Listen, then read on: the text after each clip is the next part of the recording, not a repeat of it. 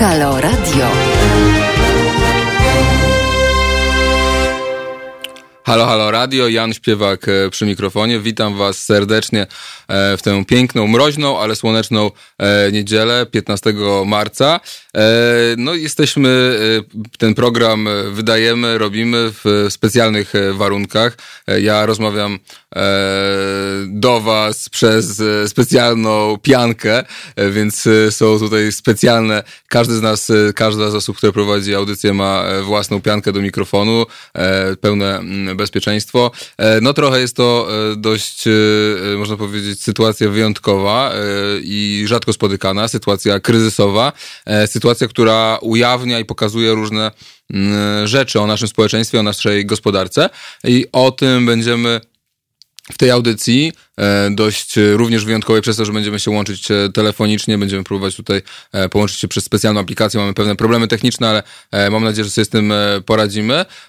Będziemy rozmawiać właśnie o tej sytuacji kryzysu, o tej sytuacji stanu no, niemal wyjątkowego.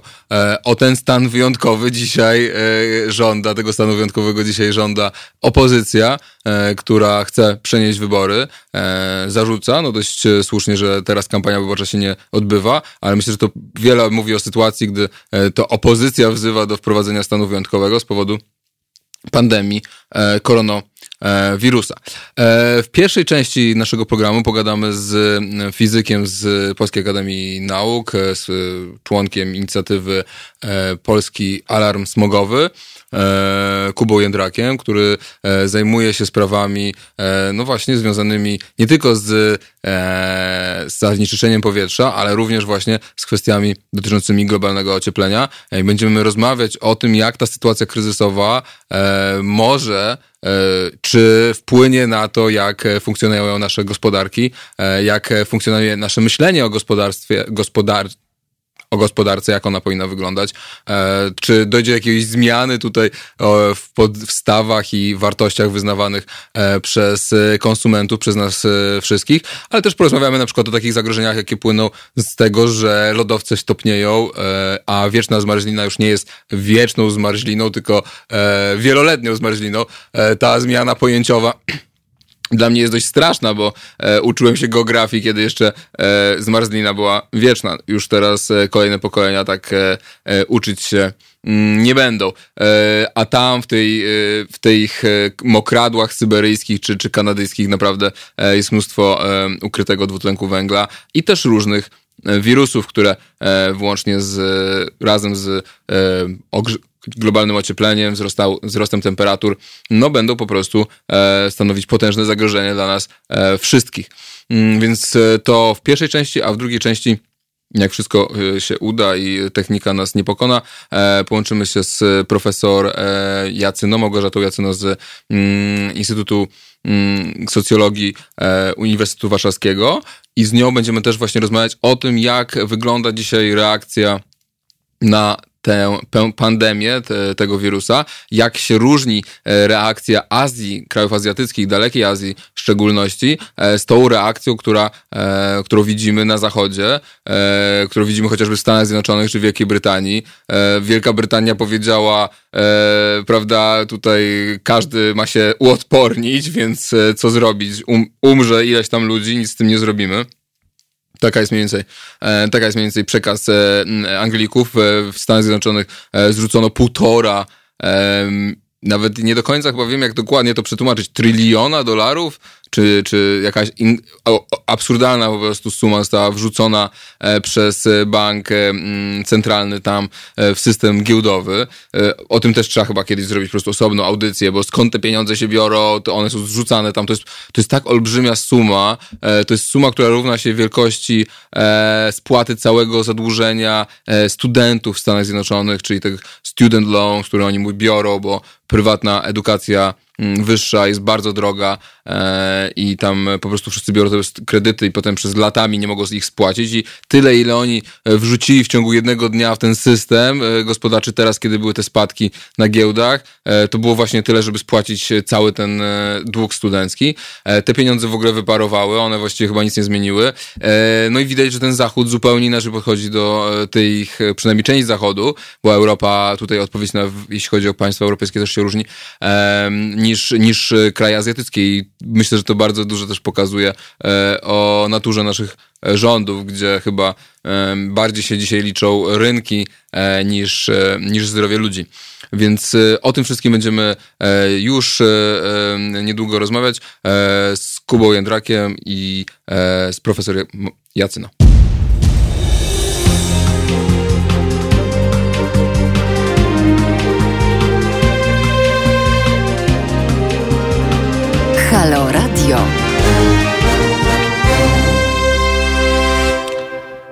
Halo Radio, Halo Radio. Jan Śpiewak e, przy mikrofonie. Czy już jest z nami nasz e, gość? Kłaczy się słyszymy?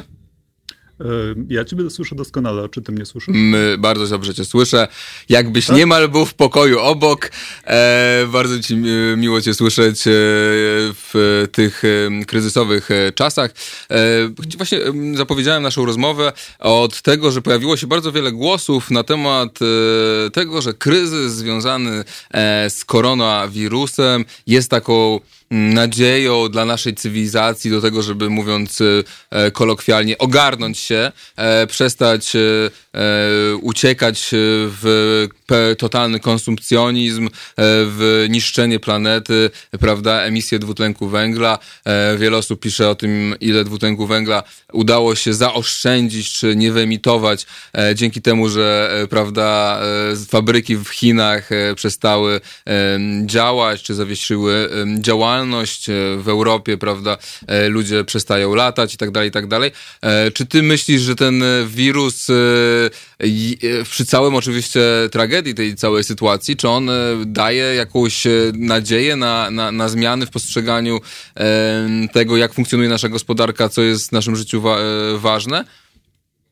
E, wiesz co, to, tak, ale nie, nie tak w prosty sposób, jak można by sądzić. Ale jeszcze raz, na wszelki wypadek chciałem cię zapytać, czy mnie dobrze słychać, bo jednak przez telefon to nie to samo, co w studiu. Bardzo dobrze cię słychać, naprawdę. Świetnie. Chociaż nasi no komentujący piszą, że też nasłuch. Nasłuch jest... Okej, okay, nie, chyba wszystko jest okej. Okay. Nasłuch. Jeszcze... Nasłuch. ja cię słyszę Czymkolwiek jest nasłuch. Okej. Okay. Na pewno słuchają. Z, z, Zostawmy te trudne radiowe tematy. No, co, co z tym dwutlenkiem węgla? Rzeczywiście spadło. Niedawno były informacje, że dzięki temu, że fabryki w Chinach stoją, a ludzie też mniej jeżdżą, mniej się poruszają, no to zaoszczędziliśmy 100 milionów ton CO2. Teraz już słyszałem o 200 milionach. No to już jest dwie trzecie rocznej dużo. polskiej emisji. Tak, to Polska emituje ponad 300 milionów ton CO2 rocznie. Czyli, Więc to jest rzeczywiście dużo. Czyli dwie trzecie tak jakby całego roku e, poszło. Polski. Tak. Mhm. Tak, no, Chiny to jest... Po... Mhm. No, w perspektywie Chin, no wiadomo, oni emitują znacznie, znacznie więcej od nas. Natomiast to, to jest przedwczesna radość, dlatego że jeżeli kryzys się skończy, związany z infekcją, z epidemią, to być może przemysł, biznes będzie chciał nadrobić te straty i produkcja ruszy pełną parą i znowu emisje wzrosną, nawet będą wyższe niż były e, przed epidemią. Więc to jest dość iluzoryczne. To jest takie cieszenie się z nieszczęścia, to też oczywiście jest dość wątpliwe mm, no moralnie, jeżeli cieszymy się z epidemii jakkolwiek byłyby jej skutki uboczne, być może niektóre pozytywne. Natomiast to, co jest pozytywne, to to, że społeczeństwa na całym świecie właściwie, no, w Polsce to dobrze widać, potrafią się w obliczu tego zagrożenia zmobilizować. I nagle się okazuje, że Dajmy na to mm, taki nasz ulubiony redaktor Łukasz Warzecha na przykład mówi, że naukowcy coś powiedzieli. Tak? To jest niesamowite, bo on, jeśli byśmy go zapytali o globalne ocieplenie, to on się będzie śmiał z tych samych naukowców. Znaczy może nie z tych tak. samych, bo nie z epidemiologów, ale z klimatologów. Ale człowiek, który neguje naukę w jednym obszarze, nagle mówi zupełnie to samo, co epidemiolodzy mówi językiem racjonalnym. No przepraszam, że sobie pozwoliłem na tą osobistą wycieczkę w stronę, nie no, ale w stronę też, pana redaktora. Tak, ale... tak. Ale antyszczepionkowców też nie słychać, prawda? Jakoś e, prawda? ucichli, prawda? Jakoś nie, nie, ma, nie ma chyba wezwań do ko korona party, prawda? Żeby tutaj się...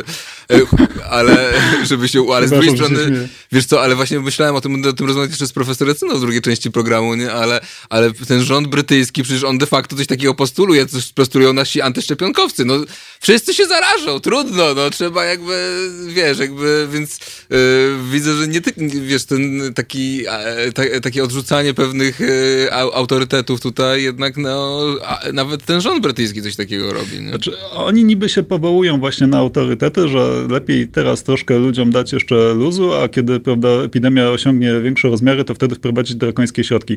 Ja nie wiem, mnie się wydaje, zupełnie się na tym nie znam, nie jestem epidemiologiem, ale wydaje mi się, że nasz rząd akurat postępuje dużo bardziej rozsądnie i rządy innych państw w no. Europie. No.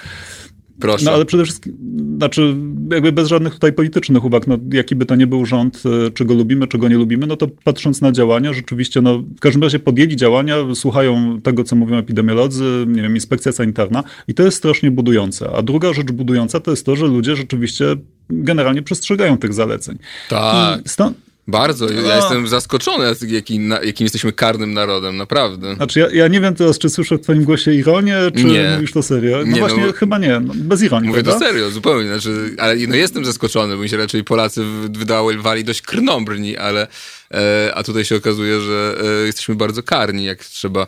E, ale to może właśnie takie sytuacje, wiesz, e, kryzysowe, kiedy ja, podobno się bardzo dobrze jednoczymy w obliczu katastrof. No, no właśnie, to czemu nie, mogli, nie moglibyśmy się zjednoczyć wobec katastrofy klimatycznej? O, Oczywiście skala, to. skala wyzwania jest dużo większa, ale to jest rzeczywiście budujące, że ja sobie tak marzę i myślę, że wielu ludzi, którzy się zajmują klimatem, e, tak słuchając na przykład pana premiera czy pana prezydenta, wyobraża sobie, że oni mówią dokładnie to samo, tylko o katastrofie klimatycznej też. Znaczy jakby koronawirus jest potężnym zagrożeniem, trzeba z nim walczyć i tutaj nie ma dyskusji, ale kiedy on minie, a minie prędzej czy później, no to te pozostałe wyzwania i zagrożenia, z którymi my się mierzymy, one nie znikną, prawda? Mhm.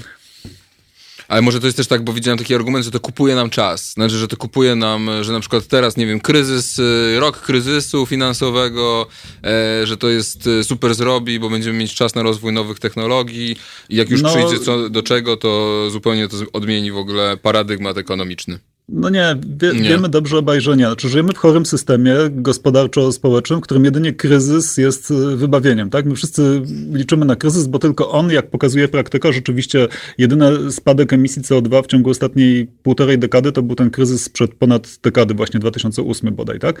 No ale to jest chore. My powinniśmy podejmować działania, które bez kryzysu gospodarczego, czy zapaści, czy bez stanu wyjątkowego tego typu prowadzą do obniżenia emisji. To jest jedna rzecz.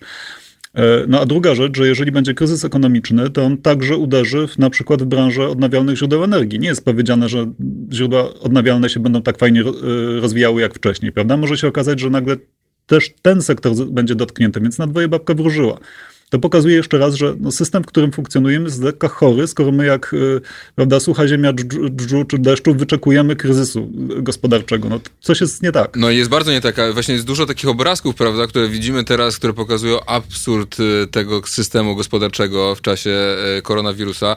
E, była, były te newsy o tym, że samoloty latają puste między lotniskami, bo żeby nie stracić tych slotów, tak, e, tych czasów, kiedy mogą tak, tak. lądować. Tak. To, no, myślę, że y, y, czy takie absurdy faktycznie e, w tym, no nie, nie są jakoś nadzieją na to, żeby się wyeliminować takich takie absurdy, czy to jest myślisz, że to nic nie da?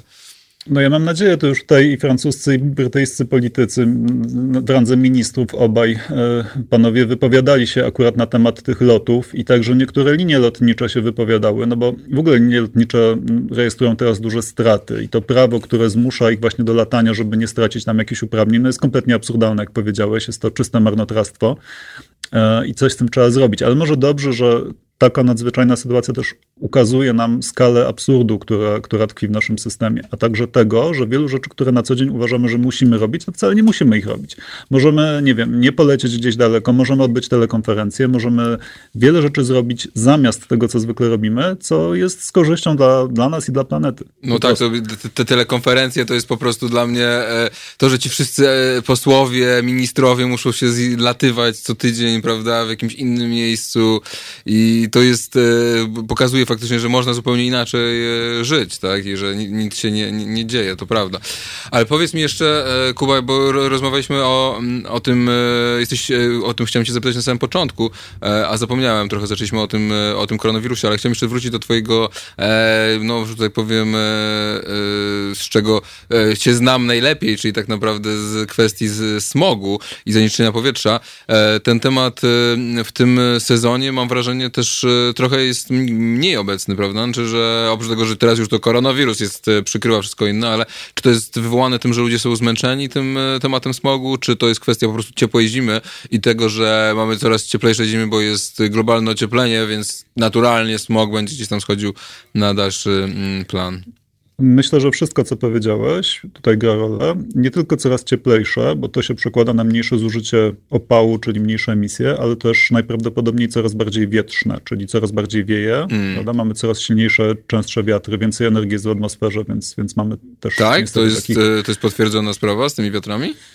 No z grubsza, znaczy to, że energii jest więcej i zjawiska atmosferyczne są bardziej gwałtowne, to tak, no energia cieplna czy wewnętrzna atmosfery się przekłada na energię potem kinetyczną. Natomiast mm. jeśli chodzi o meteorologię, to ja się tu nie chcę autorytarnie wypowiadać, bo trzeba byłoby dane zanalizować ze stacji meteo, ale tak na obserwację, że tak powiem gołym okiem, no to wieje, rzeczywiście bardziej wieje. wieje ostatnio, to prawda, Dokładnie. ale tak, pytanie ile to jest No wiadomo, że na oko to dokładnie tak. Natomiast nie, no, są niższe te stężenia. Ja sprawdzałem to jakiś czas temu na, na różnych stacjach, ale ciągle jeszcze w takim Nowym Targu, czy Żywcu, czy Oświęcimiu, no to te stężenia są naprawdę czasem załamujące. Mimo ciepłej, czy właściwie braku zimy, mimo takiej pseudo, pseudozimy jesieni. E, ale oczywiście może być też tak, że ludzie są już zmęczeni. Nie jest to aż tak doskwierające, jak było kilka lat temu, kiedy były silne mrozy na przykład i wyże.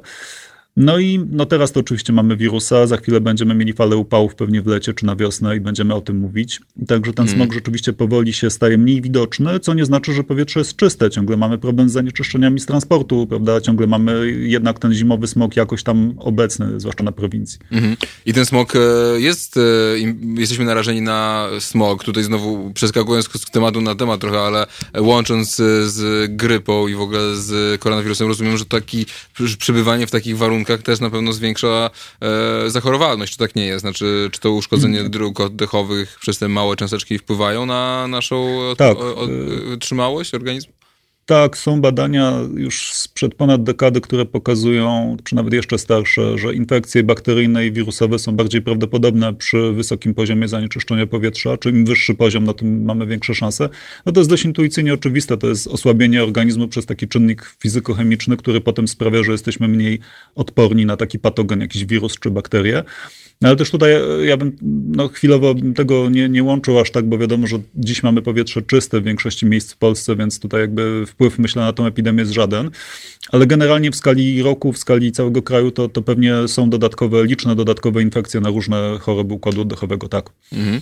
E, tutaj e, kapitan Stratford pisze o tym, że też zauważył e, wiatry, słuchajcie, też zauważył zmiany, jeśli chodzi o e, wiatry. Kierunku wiatrów się zmieniają, wieje coraz częściej z południa i wschodu. Kiedyś wiatr wschodni to był ewenement, obecnie z wschodu wieje co drugi dzień. Suche masy powietrza równa się susza to e, czyli rozumiem, że nasi słuchacze potwierdzają e, to, o czym e, mówisz, o tym, że jest... Moje amatorskie obserwacje, no. tak. No, bardzo, bardzo możliwe. Ja, ja, jak mówię, ja się zupełnie nie znam meteorologii, mm. trzeba po prostu zrobić porządną analizę statystyczną właśnie kierunku wiatru, siły wiatru, liczby dni z wiatrem i też na, na różnych wysokościach, jak to wygląda. No, to oczywiście to się może zmieniać, to, to może mieć różne konsekwencje, tak jak właśnie słuchacz tutaj pisze o, o suszy. Może być tak, że nie wiem, wymyślam, ale tam, gdzie stoją wiatraki na przykład zrobią się gorsze warunki wiatraki energetyczne do, do produkcji prądu, a gdzie indziej będą lepsze. No, no setki różnych konsekwencji, już pomijając kwestie opadów i innych y, z innych konsekwencji zmian klimatu, więc to, to, są, to są ponure wszystko rozważania, które nas dość daleko od tego koronawirusa naszego. No tak, ale mówiliśmy, wychodzimy z definicji, znaczy z założenia, że czeka nas kryzys, e, czy przeżywamy teraz kryzys. Jesteśmy państwo tak. E, azjatyckie, państwo azjatyckie, państwo polskie na swoje jakby możliwości jakoś podejmuje pewne kroki, prawda? E, no Azjat, Azjaci to sobie poradzili z tym naprawdę błyskawicznie, tak? Korea Południowa, Japonia, Chiny. Widzimy, że państwa mają ten potencjał do tego, żeby z pewnymi kryzysami walczyć, tak? Znaczy, jeśli widzimy, a rozumiem, że też twoja droga, która ja, ja widzę też po sobie e, tutaj pewną ewolucję zainteresowań, rozumiem, że ty też, prawda, byłeś bardziej zainteresowany, czy bardzo byłeś e, w temacie alarmu e, smogowego, w temacie smogu, zanieczyszczenia powietrza i oczywiście tym się dalej interesujesz, tym się dalej zajmujesz, ale widzę też po twojej jakby działalności publicystycznej, czy jakiejś popularyzatorskiej, że teraz coraz więcej temat właśnie globalnego ocieplenia, że to jest ten temat, prawda, który wszystkich nas gdzieś tam e, porusza, przejmuje i, i, jesteśmy nim przerażeni i widzimy, e, że takie sytuacje jak koronawirus są, e, no pokazują, że narzędzia są, prawda, że, że, że wystarczy się po nie schylić. Znaczy... Nie wiem, bez tak, pytania tak. może pytanie jest, ale mam takie, czy, czy, czy dzielisz tą samą, to same, to samo jakby, że taką nie, niecierpliwość. Dlaczego, kurczę, jest, jeśli są narzędzia, jeśli są tego, to jest tylko kwestia woli politycznej, żeby z tym walczyć, no prawda? No tak. I, i społecznej dzielę. Znaczy dzielę I, to, co i, powiedziałem tak, wcześniej. I, mm że właśnie dlaczego tu bardzo ładnie można powiedzieć, zareagowaliśmy jako społeczeństwo, jako naród, jak to woli, na wyzwanie, którym jest no niewątpliwie niebezpieczna epidemia. I to też jest takie budujące, że to jest jednak większość osób nie jest zagrożonych bezpośrednio utratą życia, czy nawet ciężkim przebiegiem choroby, tylko dbamy o osoby starsze. I to jest super. Natomiast dlaczego nie stać nas na podobną mobilizację w tych innych zagrożeniach? Może dlatego, że są bardziej odległe, może dlatego, że nasza psychika jest tak skonstruowana ewolucyjnie, że widzimy te zagrożenia właśnie tu i teraz, a ciężej nam myśleć o tym, co będzie za pół roku, albo za dwa lata, albo za dziesięć, prawda? No niemniej jednak tak, y, jestem przerażony katastrofą klimatyczną czy kryzysem klimatycznym. Zawsze mnie to jakoś martwiło, nawet 20 lat temu już się tym przejmowałem, a rzeczywiście teraz no jest to sprawa numer jeden i warto się tym zajmować. Jest to dużo poważniejszy problem niż smog, mimo że smog też jest bardzo poważnym problemem. No i dobrze, i widzisz, żeby coś się zmieniło od tego, myślę, że mamy taki ostatni rok, to był taki rok obudzenia, prawda? Znaczy, tak jak mówię, ja, ja na przykład zupełnie się zmieniłem tutaj nastawienie, przestałem jeść mięso, uznałem, że nie będę latał i tak dalej, i tak dalej. I e, nie, nie mam wrażenia takiego e, poczucia agency, tak? tak? Czego, co widzimy dzisiaj, tak? Takiego, że trzeba działać, prawda? I tak dalej. I nie mam wrażenia, żeby tutaj się niestety coś wiele zmieniało, a, a, a te rzeczy są już już, one już są widoczne, tak? Znaczy widzimy, że jest, no będzie tak. susza, widzimy, że będzie że jest, e, że nie było śniegu w ogóle, tak? Znaczy, chyba... No dokładnie, nie było zimy. Nie było zimy. To jest pierwsza zima bez, zupełnie bez śniegu, którą ja pamiętam w swoim prawie 40-letnim życiu. I jeszcze w 2010, 2011, 2017 były takie okresy mrozu po kilka tygodni, naprawdę ostrego. I zawsze był ten epizod zimy w zimie, że przynajmniej te dwa tygodnie był jakiś solidny no. mróz, może trzy, a tu nic. nic. Przecież kurczę, w Warszawie nic. No może gdzieś tam bardziej w jakichś rejonach typu góry. Ale też, no, umówmy się, że to nie było słabo, coś nie? słabo. No. Znaczy w Tatrach, okej, okay, no to na Kasprowym Kasprowym Wierchu to, że było dużo śniegu, no ale to gdzie ma być ten śnieg, jeśli nie na Kasprowym no, dokładnie, Wierchu? No. Dokładnie tak. Więc to jest przerażające i to powinno ludzie alarmować. Zresztą ja słyszę, że alarmuje. No jak jeszcze bary nie były zamknięte, jadłem obiad, to mnie z kuchni dobiegła rozmowa pań, które tam pracowały, które mówiły, pogoda zupełnie zwariowała w tym roku. No i to jest właśnie to. No i więc ludzie to widzą, tak? Tylko nie wiem, czy łączą to, czy im się wydaje, że zwariowała tylko chwilowo, czy wiedzą, że to jest stan, który już taki będzie i będzie coraz gorzej. Nie wiem tego. Natomiast rzeczywiście dużo się zmieniło, ale z tego, co mi mówią znajomi dziennikarze, no ja, ja się nie orientuję w tych kwestiach takich, jak, jak, to się dobrze niesie w społeczeństwie, zupełnie się na tym nie znam, ale y, no podobno klimat siadł jako temat. To znaczy, jeżeli jest gorąco, jeżeli jest fala upałów, to ludzie o tym mówią. Mm. Tak samo jak jest epizod smogowy, to ludzie mówią o smogu. W momencie, kiedy no, skończy się ten epizod tam fali upałów czy smogu odpowiednio, to ludzie przestają o tym mówić.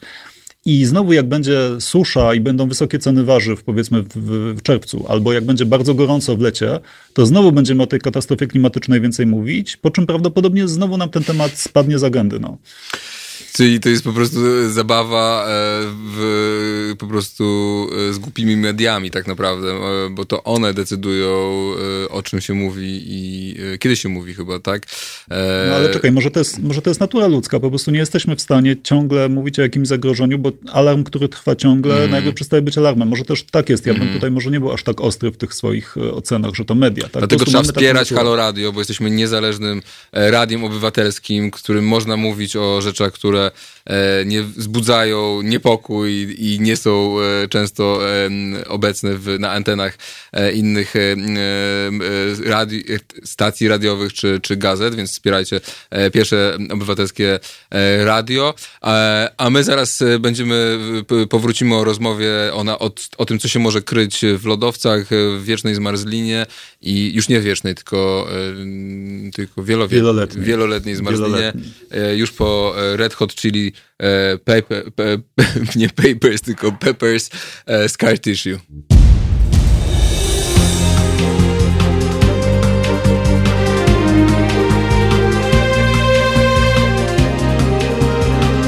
Halo Radio.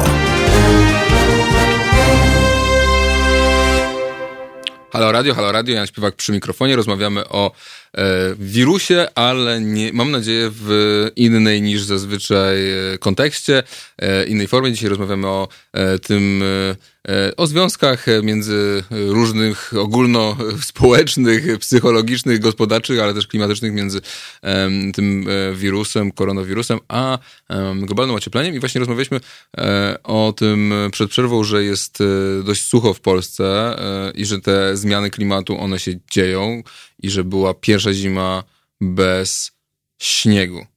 E, Kuba, czy słyszysz mnie? E, tak, ja cię świetnie słyszę. Super. Pytanie, czy ty mnie słyszysz? Ja cię Dobra? też świetnie słyszę. Dobra. I powiedz mi, bo y, widziałem takiego mema, on był, faktycznie on już nie jest chyba zabawny w związku z tym, co się dzieje we Włoszech i jednak tych tysiącach ofiar, ale jak go pierwszy raz zobaczyłem, to faktycznie y, się roześmiałem, to było z miesiąc temu i to, była, to był taki mem, że jest konferencja prasowa i jest jedna, jedna pani ma przed sobą tam, nie wiem, 50 mikrofonów, a drugi pan ma tych mikrofonów dwa i jeden ma podpis, ta pani miała podpis koronawirus, a ten pan miał e, w Antarktydzie było 20,9 stopnia. E, I faktycznie obserwowaliśmy chyba tej zimy e, rekordowe temperatury nad e, kołem biegunowym. I co to może oznaczać, jeśli chodzi o tą zmarzinę i zarówno jeśli chodzi oczywiście o zmianę klimatu, jak i o tym też temat przewodni, czyli czy tam mogą się kryć po prostu jakieś e, wirusy, które mogą nam dzisiaj zagrażać e, nasze, naszemu gatunkowi?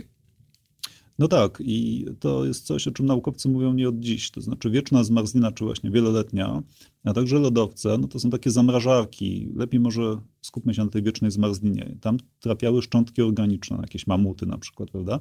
Przez tysiące lat, czy szczątki roślin i sobie w tej zamrażarce tkwiły. No i teraz, jeżeli po raz pierwszy od tysięcy lat ta zmarzlina przestanie być zmarzliną, rozmrozi się, to wszystko, co tam jest, wylezie na powierzchnię, mówiąc kolokwialnie. Więc jeżeli tam są jakieś patogeny, bakterie czy wirusy sprzed tysięcy lat, czy nawet sprzed setek lat, no to one też mogą się dostać do środowiska i kto wie, co będzie, no bo my już odporności na nie nie mamy. Jeżeli one by ożyły, że tak powiem, rozmrożone, no to mogą stanowić dla nas zagrożenie. Podobnie z lodowcami. E, niedawno mój redakcyjny kolega Marcel Wanda spisał na portalu Smoklab właśnie o tym, że że z lodowców także mogą się, w lodowcach mogą być, e, mogą spoczywać wirusy i bakterie. Jeżeli te lodowce będą się topić, no to te uwolnione patogeny mogą też dla nas stanowić jakieś epidemiczne zagrożenie. Ale rozumiem, że to są, y, takie rzeczy się jeszcze nie wydarzyły, tak? Znaczy to jest tylko coś, co się my możemy wyobrazić sobie, że się wydarzy, tak? Znaczy, czy mamy jakieś przykłady, gdzie faktycznie ja doszło do... Jestem pewien, czy na Syberii już czegoś takiego nie było, ale nie chcę tutaj wprowadzać słuchaczy w błąd. Mm. Coś mi chodzi po głowie, y, nie jestem teraz tego pewien. Na razie nic dużego się oczywiście nie stało, natomiast y, nie jest wykluczone, że się stanie. Oczywiście mamy też po prostu, in, mamy inne rezerwuary różnych y, bakterii, wirusów, czy to dzikie zwierzęta, czy to zwierzęta domowe, jest zdaje się, że koronawirus ma coś wspólnego z nietoperzami. Wcześniej mieliśmy infekcje, które miały coś wspólnego ze zwierzętami e, gospodarczymi. Ogólnie ten bardzo groźne choroby w naszej historii miały związek z bydłem czy świniami. Czyli też tak naprawdę z naruszaniem pewnej niszy e, ekologicznej, którą człowiek narusza, żeby eksploatować e, środowisko, tak? Znaczy, czy, mogę, czy to już jest taka też teza, e, którą by się nie podpisał, że gdyby nie właśnie przemysłowy chów zwierząt, gdyby nie po prostu to, że jemy wszystko i chcemy ogołocić po prostu ziemię z wszystkiego, to też pewnie do tego typu rzeczy jak świńska grypa, Wiesz, czy nie dochodziłoby. Znowu, ja nie jestem tutaj specjalistą, ale pewnie byłoby, byłyby mniejsze szanse. To, co robi przemysłowy chów, o ile mi wiadomo, to uodparnia e, na antybiotyki różne bakterie. I to jest problem, że jeżeli stosujemy antybiotyki w chowie przemysłowym, to jesteśmy w stanie wyhodować niezamierzenie szczepy bakterii, które są odporne i kiedy potem one zaatakują człowieka, mm. to my nie mamy już arsenału. Natomiast od zwierzęce choroby towarzyszą nam od kilku tysięcy lat, kiedy nie było jeszcze chowu przemysłowego.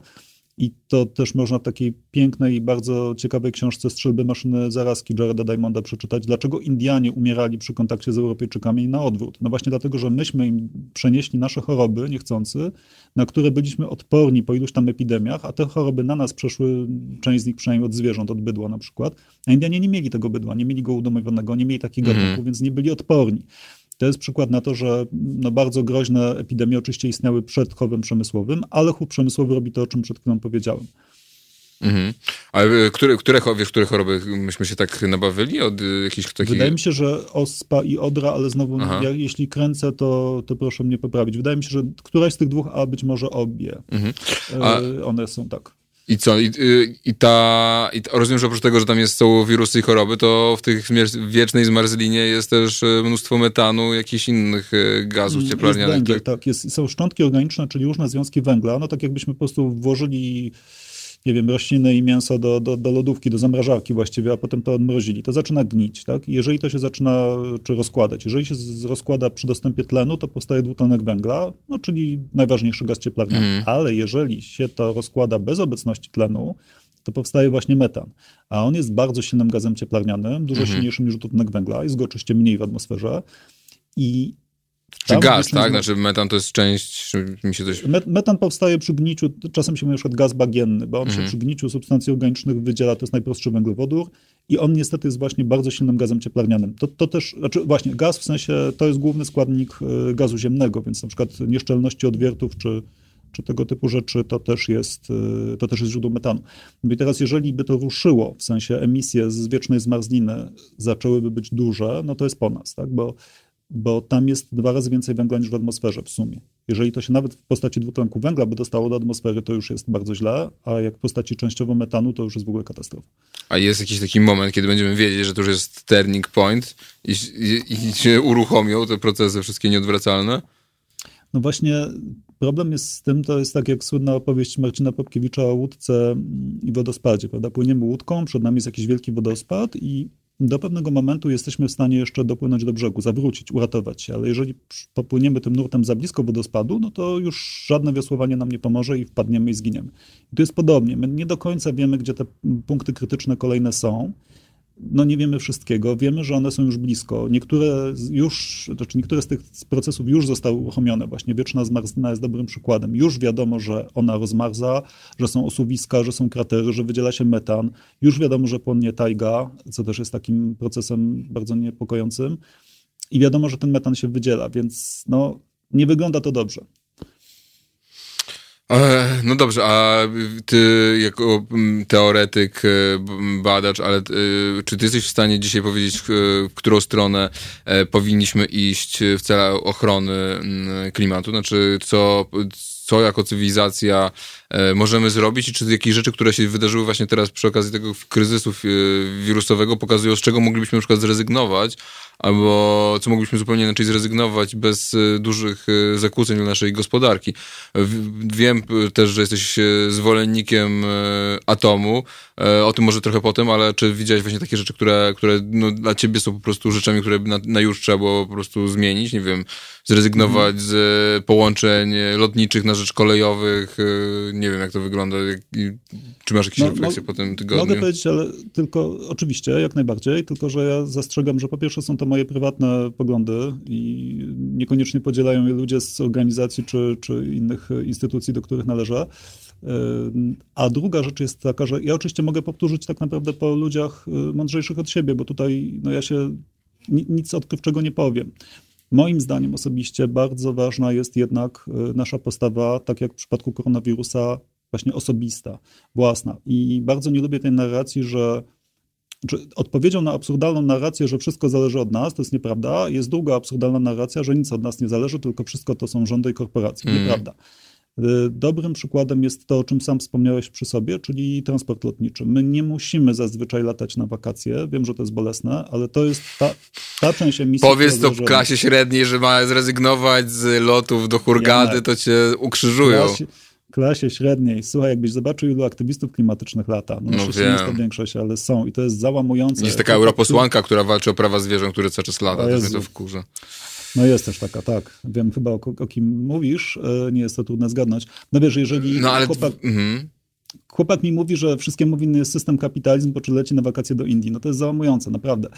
E, ja wiem, że wakacje w Indiach są fajne, czy na Ceylonie, czy gdzieś, ale jednak no, to są te rzeczy, które i widać po tej epidemii moglibyśmy szybko ściąć, bo emisje lotnicze to jest 2% globalnej emisji dwutlenku węgla, to się może wydawać mało, to wcale nie jest mało, mm. a po drugie lotnictwo ma też jeszcze wpływ inny, tworzy te smugi kondensacyjne, które ogrzewają naszą planetę, więc jego wpływ jest naprawdę większy niż tylko wynika z emisji CO2. To jest pierwsza rzecz, którą moglibyśmy bez większego bólu uciąć, bo powiedzmy sobie szczerze, że to nie jest potrzebne do naszej egzystencji. Tak? Transport można by rzeczywiście, prawda?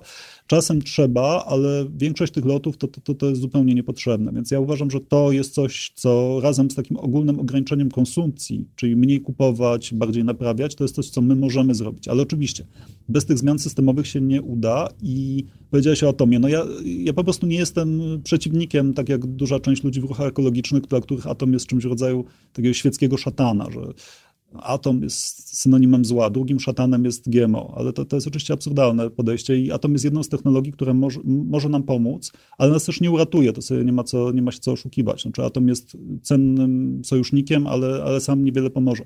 Musimy zmieniać miks energetyczny jak najszybciej. Znaczy spalanie węgla, ropy i gazu jest po prostu samobójstwem i czy zastąpimy to wiatrakami, panelami czy reaktorami, to jest rzecz wtórna, Ważne jest, żebyśmy jak najszybciej po pierwsze ograniczali zużycie energii, po drugie no, zmieniali miks, bo ja nie mam żadnej, żadnego wpływu na to, skąd jest prąd w moim gniazdku. Ja mogę wyłączyć lodówkę i żyć jak w średniowieczu przy świeczkach i tego nie robię oczywiście. I to już przekracza moje możliwości, żebym ja zmienił to, w jaki sposób mój kraj, moja ojczyzna wytwarza prąd. Jeżeli ona go wytwarza z węgla, no to trudno. Ja mam obciążenie kilkoma tonami CO2, dlatego że żyję w Polsce, tak? Nawet jak żyję naprawdę ascetycznie. Ale wracając jeszcze do tych lotów, znaczy mi się wydaje, że tutaj e, to jest e, związane naprawdę z naszymi inspiracjami, prawda? Tak? Znaczy, że e, to są takie rzeczy, z których niesłychanie ciężko będzie ludziom zrezygnować, bo to jest atak na ich wolność, prawda? My przy, przyjęliśmy w sytuacjach takiego zagrożenia teraz, jaki jest ten koronawirus, no to nagle ta, te, te, te reguły zabezpieczenia naszej wolności jakby nie działają. Nagle się okazuje, że chcemy silnego państwa, które bierze nas wszystkich za twarz, prawda? I, i, i cieszy się, że są zamknięte granice i opozycja wzywa do tego, żeby był stan wyjątkowy i nagle się okazuje, prawda, że e, w sytuacji wyższego zagrożenia e, można zawiesić tego typu wolności, ale e, w sytuacji, mhm. gdy tego zagrożenia nie ma, E, prawda? Znaczy, dopóki a, e, to nie zostało stworzone, to zagrożenie, e, to, to, to, to, my się tak nie zachowujemy. Dla mnie fascynujące będzie, jeśli twu, okaże się, że ten wirus nie był aż tak groźny i strategia rządu brytyjskiego weźcie, zaraźcie się wszyscy i po prostu przeżyjcie. Jeśli się okaże, że, że mm, ta epidemia nie, nie jest tak groźna, jak się nam wydawało na początku, no to to będzie już taki chyba koronny dowód na to, że za pomocą mediów można by gdyby media nagle były on board, że tak powiem, e, na pokładzie tutaj walki z globalnym ociepleniem, mówię ci o, o, o, tych mediach, tutaj próbuję tutaj mm -hmm. wziąć na, na podwłos trochę, że ja mam jednak wrażenie, że, że żyjemy w totalnie sterowanej takiej rzeczywistości, tak? I że, no. że jeśli ludziom by się powiedziało, słuchajcie, musimy zrobić to, to i to i musimy ograniczyć naszą wolność, bo to, to i to i, i, i ludzie, ktoś by ich przekonywał do tego, to to by się wydarzyło, nie? W sensie to byśmy byli tak, w stanie tak. ograniczyć tą konsumpcję, przestać latać, ja myślę, że tak. I właśnie dlatego mówiłem na początku, że marzy mi się pewnie wielu aktywistom klimatycznym. Czy Stan wyjątkowy, taki pięcioletni, dziesięcioletni. No nie, nie, nie chodzi, ale Stan... takie wyjście premiera czy prezydenta, ale y, śmiejesz się, ale jest... Nie, ja się nie śmieję, bo w sumie do, tego do, do, do, do, prowadzi do takich myśli, że trzeba może zawiesić demokrację, nie? W sensie może nie, trzeba... nie, nie, niekoniecznie, ale czekaj, bo zawieszenie demokracji, o tym straszą różni, był taki artykuł parę tygodni temu w Wyborczej, przedruk z Die Welt, gdzie facet straszył właśnie ekodyktaturą, jakiś taki neoliberalny mm -hmm. gość, który... Ekofaszyzm. Y, znaczy ekodyktatura albo biznes jak zwykle, to według niego były, była alternatywa. Zupełnie nie wspominał o katastrofie klimatycznej, zupełnie nie wspominał o kryzysie migracyjnym, który nas czeka gigantyczny i jak to wpłynie na nasze rządy, na nasze społeczeństwa. Ale wracając do tego, Inny człowiek, bardzo zacny mm, facet zajmujący się klimatem od lat, Bill McKibben, on już kilka lat temu napisał, że my potrzebujemy właśnie czegoś w rodzaju stanu wyjątkowego czy mobilizacji. On dawał taki przykład Co się stało w Stanach Zjednoczonych w czasie II wojny światowej? Stany nie były bezpośrednio dotknięte wojną poza mhm. Hawajami, no ale przystąpiły do wojny i miały największy na świecie przemysł motoryzacyjny. Już wtedy mieli masę aut i cały ten przemysł został przestawiony na produkcję wojenną. Przestali produkować auta osobowe prywatne. E, też zachęcano ludzi, żeby mieli przydomowe ogródki, żeby tam warzywa produkowali, odciążyli rolnictwo, wiadomo. No i nie dość, że siebie żywili, to jeszcze Brytyjczyków żywili, Rosjan żywili i tak dalej. I była ta mobilizacja. Przez kilka lat było zagrożenie, całe społeczeństwo się zmobilizowało, zaakceptowało pewne ograniczenia. Brytyjskie społeczeństwo jeszcze więcej. Zaciemnienie, racjonowanie wody, żywności i tak dalej. Oni tu mieli kartki, to w ogóle by mieli do lat 50. w ogóle mi się wydaje. E, pewnie tak, bo mieli kryzys po wojnie, prawda? Z, dokładnie, spłacali się no. Amerykanom. No. Ale z Brytyjczyków to dużo bardziej dotknęło, ale nawet tak jak u Amerykanów, prawda? Coś takiego jest potrzebne teraz. To znaczy, przestajemy produkować suwy, przestajemy latać na wakacje, mm. tylko cała produkcja idzie na, y, na walkę z globalnym ociepleniem, czyli produkcja tych wszystkich wiatraków, paneli, nie wiem, reaktorów, urządzeń do wyciągania dwutlenku węgla z powietrza, co też jest konieczna, to na razie brzmi jak science fiction. E, I, i opracowanie tych technologii, które po prostu dadzą nam jakiś cień szansy, cień szansy nadziei na sukces. No, na razie wygląda to bardzo źle. Jeżeli popatrzymy, jak to wygląda dziś, to nasze szanse na przetrwanie tak w ciągu 100 lat są naprawdę nie najlepsze.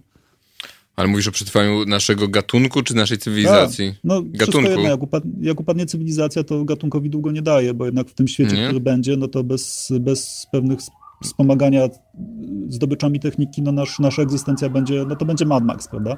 No, no, no taki ktoś tam przeżył, no.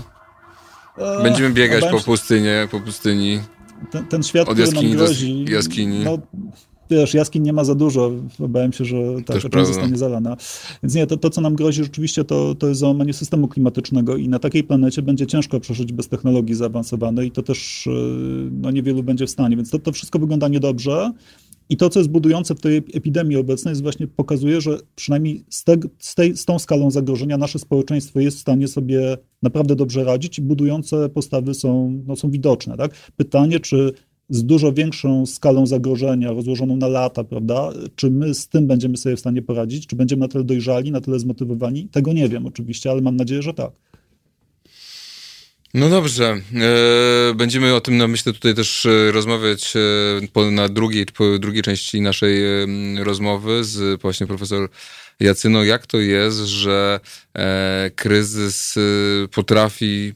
Myślę, że dobry, dobry przykład podajesz, Kuba, właśnie o tych Stanach, woje, Stanach wojennych, Stanach Zjednoczonych, e, które się po prostu całe przestawiły na produkcję, na produkcję zbrojeniową i były w stanie e, no, z jednej strony wyciągnąć też się z kryzysu przy, przy 29 roku, e, ogromny kryzys finansowy w Stanach Zjednoczonych. E, 10 lat później to państwo u, tak wzięło na siebie ciężar tak naprawdę prowadzenia e, całej II wojny światowej i e, wyżywiło ten świat, wyprodukowało tą, tą broń tak, i, i, tak. i to jest wykonalne. To jest po prostu kwestia politycznej woli ale ja się po prostu obawiam tego, że nie ma wystarczającej presji społecznej zwykłych ludzi, którzy są, wiesz, po prostu w swojej rzeczywistości e, zamknięci, wiesz, zarabianie pieniędzy od pierwszego do pierwszego, że dopóki nie wydarzy się coś takiego większego właśnie no taki bardzo poważny kryzys, może to jest ten kryzys, to nic się nie zmieni, więc może ten kryzys jednak y, przyniesie jakieś pozytywne zmiany na, na, na, na dłużej. Nie no wiem, ja czy... mam taką, taką nadzieję też mam. No, te kryzysy, wiesz, no, wirus wirusem, ale susza dalej nam grozi. Wirus nie anuluje suszy, tak? Czy tej perspektywy... A ty sądzisz, że będzie duży, duża susza będzie na, na, na, na no, no, słucham to, tak, znaczy, wiesz co, boję się tego, słucham tego, co mówią meteorolodzy i też patrzę, to, co mnie przeraża, to tak, 2018 w Polsce był najcieplejszym rokiem w historii pomiarów, ale tylko przez rok, bo 2019 okazał się cieplejszy i to chyba o 0,4 stopnia, to jest bardzo dużo. Więc pytanie, czy 2020 będzie znowu kolejnym rekordowym rokiem, prawda? Jeżeli jest gorącej, to jest większe parowanie, więc nawet przy, przy tych samych mhm. opadach no to tej wody zostaje mniej, poza tym jak są nawalne deszcze rzadko, a, a gwałtownie spływa. Właśnie I, i nie ma śniegu, który się topił zwykle po zimie i stopniowo nasączał ziemię, prawda, wilgocią, więc no, wygląda to nie najlepiej. Yy, może nie jest to jeszcze jakaś tragiczna sytuacja, ale no, musimy się nauczyć z tym żyć i musimy zreformować swoje rolnictwo, nie wiem, odwrócić meliorację z czasów PRL-u, no, prowadzić retencję. To się zaczyna dziać, ale to wszystko, to samo, samo zadbanie o bezpieczeństwo żywnościowe w Polsce jest ogromnym wyzwaniem. Mm. Jest to sytuacja kryzysowa, więc mam nadzieję, że kolejne rządy, ten rząd i następne będą, będą z tym coś robić, bo widać też przy tej epidemii, że tak. bezpieczeństwo żywnościowe to jest coś kluczowego. No, jak się okazuje, że musimy produkować własne, e, własne płyny dez, dez, dezynfekcji, Dokładnie. musimy mieć własną żywność, musimy mieć, tak, to pokazuje, ten kryzys też pokazuje, e, że państwo narodowe no, rola państwa narodowego się nie skończyła. Dzięki Kuba. E, my, Dziękuję bardzo. My się słyszymy z mm, profesor Jacyno po 16. Halo Radio. Cześć, jestem Bogna Świątkowska. Prowadzę Fundację Nowej Kultury Będzmiana. Zajmujemy się wspieraniem polskiej kultury współczesnej. To wspieranie jest szalenie istotne, zwłaszcza dzisiaj, kiedy ta współczesna kultura jest troszeczkę zaniedbana. Dlatego wspierajcie Halo Radio. To ważne medium. Radio to natychmiastowa transmisja tego, co jest ważne, co się dzieje, na co warto zwrócić uwagę. A wy zwróćcie uwagę na Halo Radio i wspierajcie je. www.halo.radio ukośnik SOS.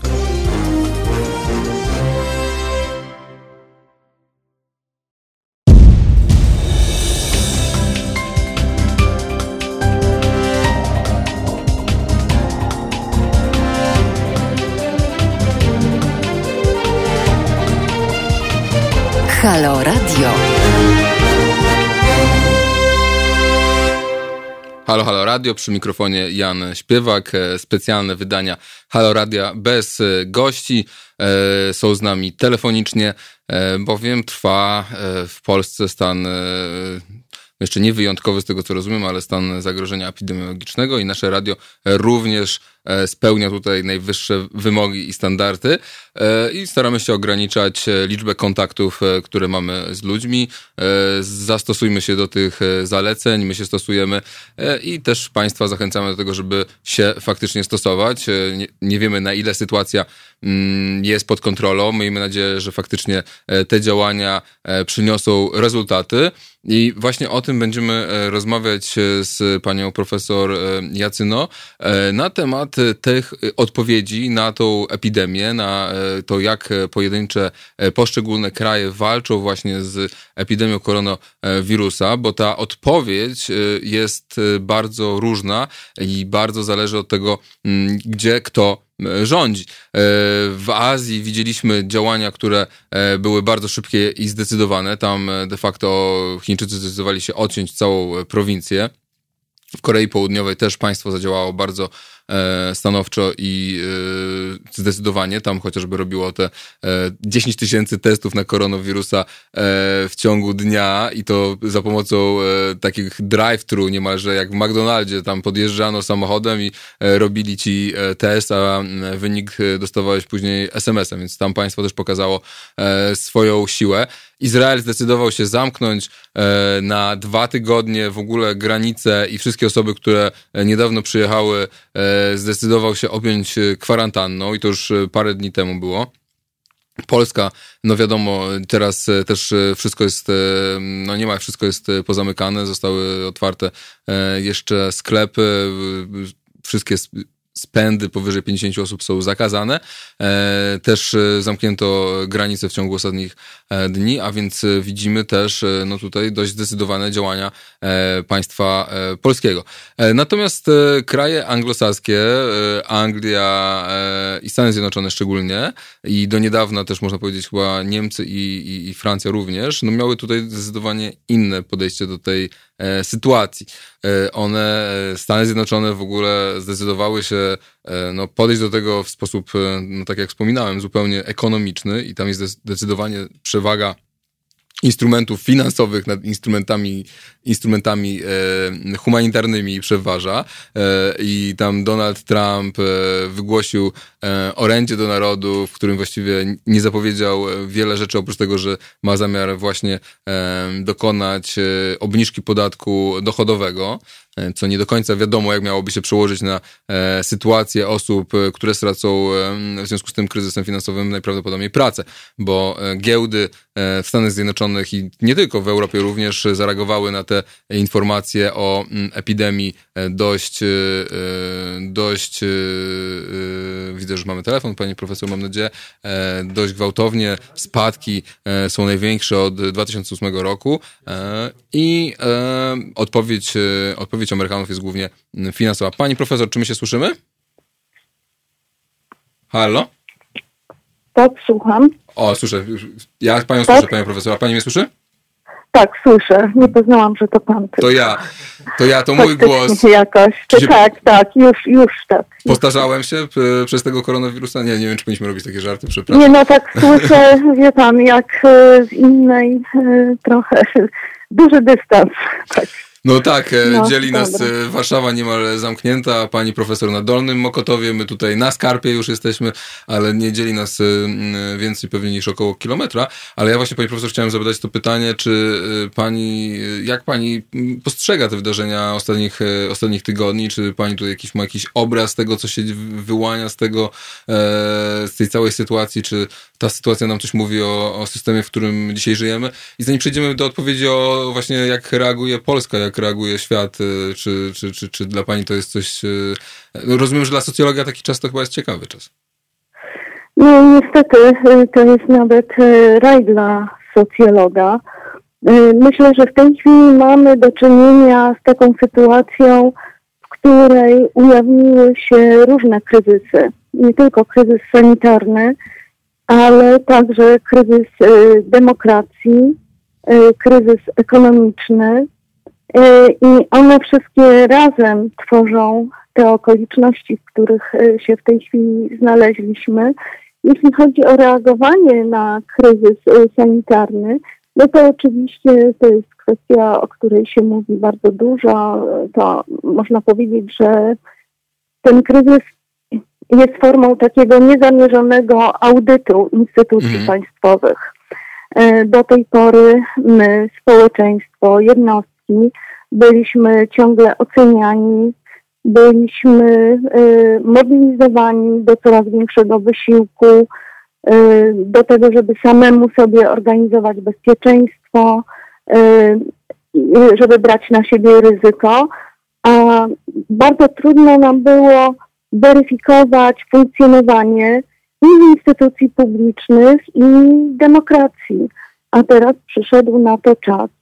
Skądinąd myślę, że, mm, bo coraz częściej powtarza się ten głos, e, taka opinia, że te reakcje w krajach europejskich są trochę spóźnione. Dziś mamy też do czynienia z taką no, osobliwą dosyć sytuacją, kiedy zamykane są różne instytucje we Francji, a jednocześnie odbywają się wybory, prawda? A dzisiaj są wybory, prawda? Chyba we Francji. Tak, dzisiaj są wybory. Dzisiaj są wybory.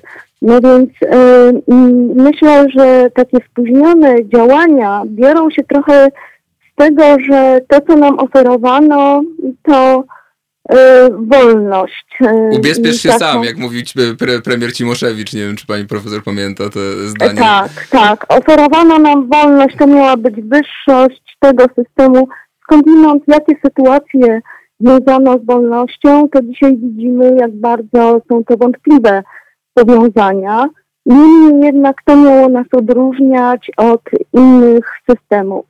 No a y, więc w takiej sytuacji bardzo trudno jest zareagować, bo okazuje się, że nie mamy bezpieczeństwa, ale nie mamy też y, wolności, która jest nam tak y, sukcesywnie, można powiedzieć, dosyć wybiórczo, co działa dezorientująco, zabierana, ponieważ e, społeczeństwo od kilku dekad nie ma dobrej trasy. Ja chciałabym ująć się za społeczeństwem, które, jak stwierdzano, nie istnieje, a jednocześnie jak coś się działo, e, pojawiały się jakieś kryzysy, to e, społeczeństwo sadzano na ławie oskarżonych. Chciałabym powiedzieć, że naprawdę można być zdezorientowanym, bo jeżeli Przypomnijmy sobie zapewnienia rządzących z lutego, ba nawet z marca, że nic się nie dzieje, że wszystko jest pod kontrolą i epidemia do nas nie dotrze. No to trudno się dziwić, y, że y, ludzie dosyć nonszalancko mogą podchodzić do tych nowych y, ograniczeń, które się pojawiają dosyć gwałtownie. Inna rzecz, na którą chciałabym zwrócić uwagę, to jest taka, że bardzo trudnej sytuacji finansowej, ekonomicznej y, znaleźli się ludzie, y, którzy pracują na czasowych umowach, na tak zwanych y, śmieciówkach czy na śmieciówkach po prostu, często podkreślano, że to jest określenie, które Mowa nienawiści, przecież że to jest mowa nienawiści, mówił. że to jest wyraz pogardy do tych ludzi. Tak. No to y, y, pozbawione godności są warunki pracy, nie tak. ludzie, tylko praca, warunki Śmieciówki, pracy. ale prawda, fikcyjne samozatrudnienie, osoby, które dzisiaj są wysłane na urlopy bezpłatne, one absolutnie nic nie mają, e, żadnych dochodów teraz, prawda? No, no tak zwani przedsiębiorcy, prawda? Tak. To wszystko e, byli przedsiębiorcy. E, no więc ryzyko było indywidualne, a teraz pojawia się nam ryzyko całkiem społeczne. I to jest powód, e, jeden przynajmniej z powodów, dla którego to społeczeństwo nie jest tak zdyscyplinowane. Skądinąd z polityk publicznych nie wynikało, że nasze życie jest cenne. I mam tutaj na myśli nie tylko służbę zdrowia, ale mam na myśli właśnie także prawo pracy, a e, konkretnie e, rzecz ujmując to oczywiście nieprzestrzeganie prawa pracy, niskie bardzo wynagrodzenia. E, niektórzy nie, nie mają dzisiaj żadnych oszczędności, niektórym, niektórym udało się odłożyć na dwa tygodnie, szczęśliwcom na trzy miesiące. E, z warunków, w jakich przyszło nam żyć, nic nie wskazuje na to, że nasze życie było cenne. Mhm. Że ktoś myślał o naszym życiu Brzmi jak o życiu ludzkim. Raczej to była taka formuła ludzkiego życia, które ma funkcjonować w formule startupu. Mhm. Tak? Życie, dla którego przyszłość jest przewidziana na najbliższe dwa tygodnie, najwyżej trzy miesiące. To... Dlaczego teraz ludzie mieliby y, nagle zachowywać się solidarnie y, y w każdej sytuacji, skoro ryzyka e, były indywidualnie dystrybuowane, indywidualnie przepisywane. Ale ja myślę, że, ja myślę, że tutaj jednak e, wydaje się, że e, Polacy tutaj widzą potrzebę państwa, prawda? Że jednak jest taka wołanie o to, żeby to państwo było obecne, żeby ono było silne, żeby no nagle opozycja teraz wzywa do tego, żeby wprowadzić stan wyjątkowy, prawda? To już do tego doszliśmy, więc ta potrzeba chyba właśnie teraz się bardzo mocno ujawniła, tak? Że, że, że bez tego, bez państwa sobie absolutnie nie poradzimy. A z drugiej strony, no tak jak pani mówi, no powstała gigantyczna underclass, nie wiem jak by ją pani nazwała, populacja dryfująca, tak? Mówi się, prekariat, nie wiem jak je nazwać, pracujący biedni, tak, ta ogromna część populacji, która no, żyje w takich warunkach ciągłego zagrożenia i w tym momencie za moment znajdzie się poza nawiasem społeczeństwa. Jak no szkoda, że y, to, to jest taka, takie niebezpieczeństwo, że poznajemy potrzebę, dowiadujemy się o potrzebie państwa y, y, właśnie w takiej sytuacji. Domagamy się stanu wyjątkowego, domagamy się nowych ograniczeń, natomiast no, niewiele wskazuje na to, to dotyczy zresztą nie tylko polskich szpitali, które wyjątkowo były, mm, są zagłodzone, ale jak słyszymy, dotyczy to także szpitali na przykład francuskich, y, dotyczy to szpitali brytyjskich. Mm. Wszystkie one y, stoją na ostatnich nogach, można powiedzieć.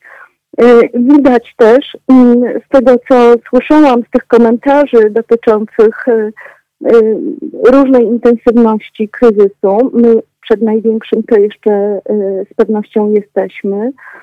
E, z tego co słyszałam, to na przykład problem polega na tym, że e, prywatna służba zdrowia, prywatna ochrona zdrowia w ogóle nie była przygotowana na tego rodzaju działania. Ona się wyspecjalizowała w leczeniu pewnego rodzaju schorzeń.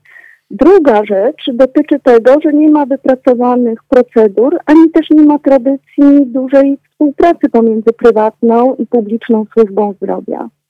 Czyli no widać, że jesteśmy z jednej strony wszyscy mocno połączeni, tak. ale z drugiej strony widać, że te instytucje raczej były nastawione na rywalizację. Ale nawet y, w łonie, nawet na tak elementarnym poziomie, jak to, że już się w, w, Europie praktycznie nie produkuje bardzo wielu leków, prawda? Że bardzo wiele leków jest produkowanych w Chinach, że jak się wybuch wybuchła epidemia we Włoszech, to nagle się okazało, że brakuje e, maseczek, że brakuje respiratorów, a Francja i Niemcy e, powiedziały, że nie, ben, że nie będą się z nimi dzielić, prawda, swoimi zasobami. To, że to już, że to już jest taki, to już jest taki element, zagrożenie w ogóle elementarnych fun funkcjonowania państwa, prawda? Znaczy, że, że nie jesteśmy w stanie nawet własnych leków wyprodukować. No, e, kryzys lekowy nie pojawił się w tej chwili, pojawił się już e, przynajmniej kilka lat temu. E, można, w tej chwili o tym absolutnie się jeszcze nie mówi, ale wydaje mi się, że to jest dobry moment, żeby pomyśleć też o innych planach, jakie nam przedstawiano, a mianowicie CETA, czyli umowy dotyczące importu żywności. Mhm. Widać, że ponieważ takich sytuacjach e, jednak e, odwołujemy się, liczymy na podmiotowość państwa, natomiast brakuje e, takich elementów międzynarodowej współpracy z różnych powodów, także dlatego, że państwa europejskie nie chciały tego rodzaju współpracy, nie, nie, nie przewidywały współpracy w takich sytuacjach.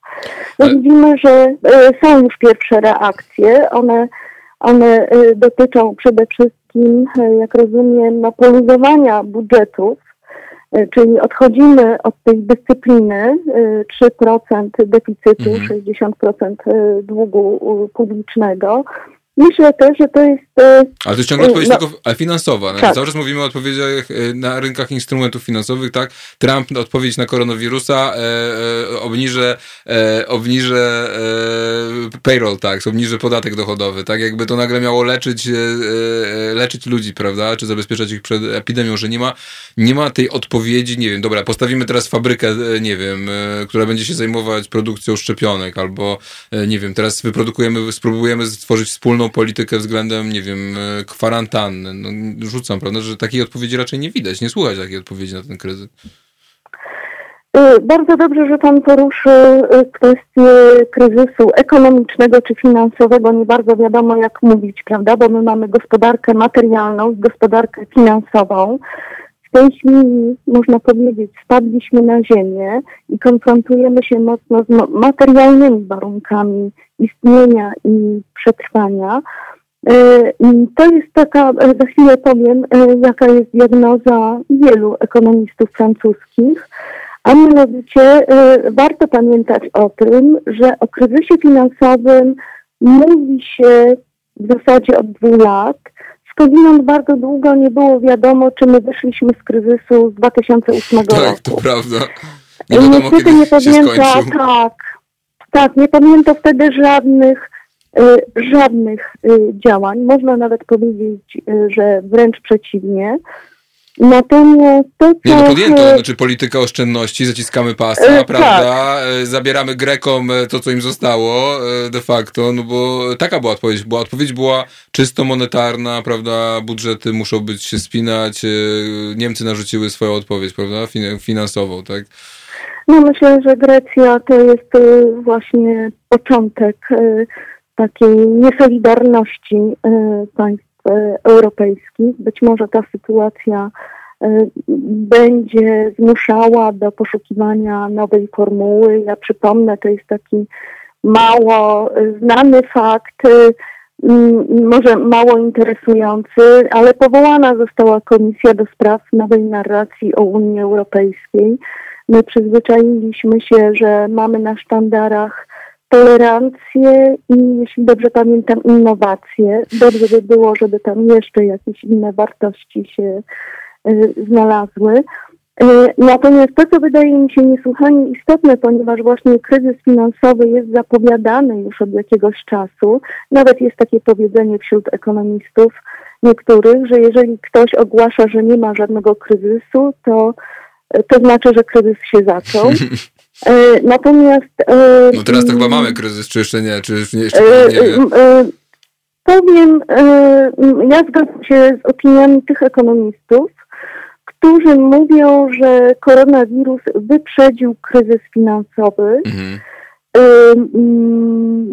Pojawił się jako taka okoliczność, w której niektórzy nawet uważają, że to jest taka okoliczność, która sprzyja temu, żeby y, kryzys finansowy absorbował się tak? Czyli mhm. on, kryzys finansowy zacznie wchodzić w tkankę państwową, zacznie wchodzić w tkankę społeczną, więc to jest niebezpieczna sytuacja bardzo, dlatego że ona sprzyja y, takiej polityce przerzucania wszystkich kosztów na społeczeństwo.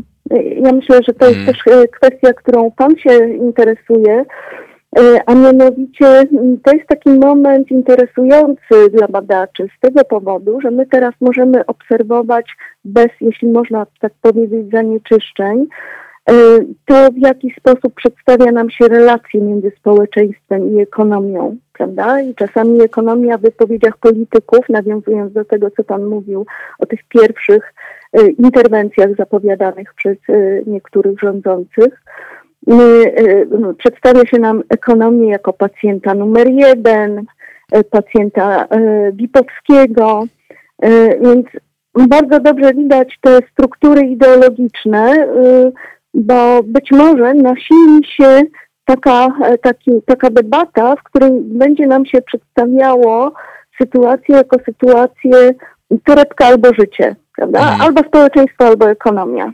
E, mhm. Jeżeli, jeżeli wybierzemy społeczeństwo, to nie będzie ekonomii i społeczeństwo wymrze. No, e, nawiązując do kryzysu klimatycznego, o którym się mówi, to tak właśnie wygląda, jakby społeczeństwo zaczęło wymierać. Tak. Jakby zaczęło wymierać y, najpierw nie z powodu klimatu, ale z powodu ekonomii, z powodu gospodarki finansowej. Jeśli ktoś tu jest ofiarą, to właśnie społeczeństwo. Widać wyraźnie, że tego modelu globalizacji nie da się utrzymać, idąc, y, y, jak wiadomo, jest to model globalizacji dla środowiska E, dla klimatu, szkodliwy, niszczący, destrukcyjny. Absolutnie, ale ten kryzys, czy ten kryzys, widzi Pani tutaj szansę, żeby ten kryzys był właśnie e, jakimś kontrapunktem do tej dyskusji, że jednak, e, jednak czy populacja, czy rynek, trzeba wybrać jednak zdrowie ludzi, czy to nie jest jakiś moment E, który nam pozwoli i też wydaje mi się, że też coś jest bardzo interesującego, to jest to, że e, widać, że w sytuacjach kryzysu państwo jednak potrafi działać, tak? No, że to ta historyjka o tym, że państwo nic nie może i tak dalej, jednak okazuje się e, być no, niezbyt pozbawiona podstaw i że jak chcemy jest wola polityczna, to państwo by sobie poradziło z kryzysem klimatycznym, tak? W sensie, gdyby była tylko taka wola polityczna. Tak, ja myślę, ja myślę, że bardzo istotne jest to, że przełamane zostało pewne tabu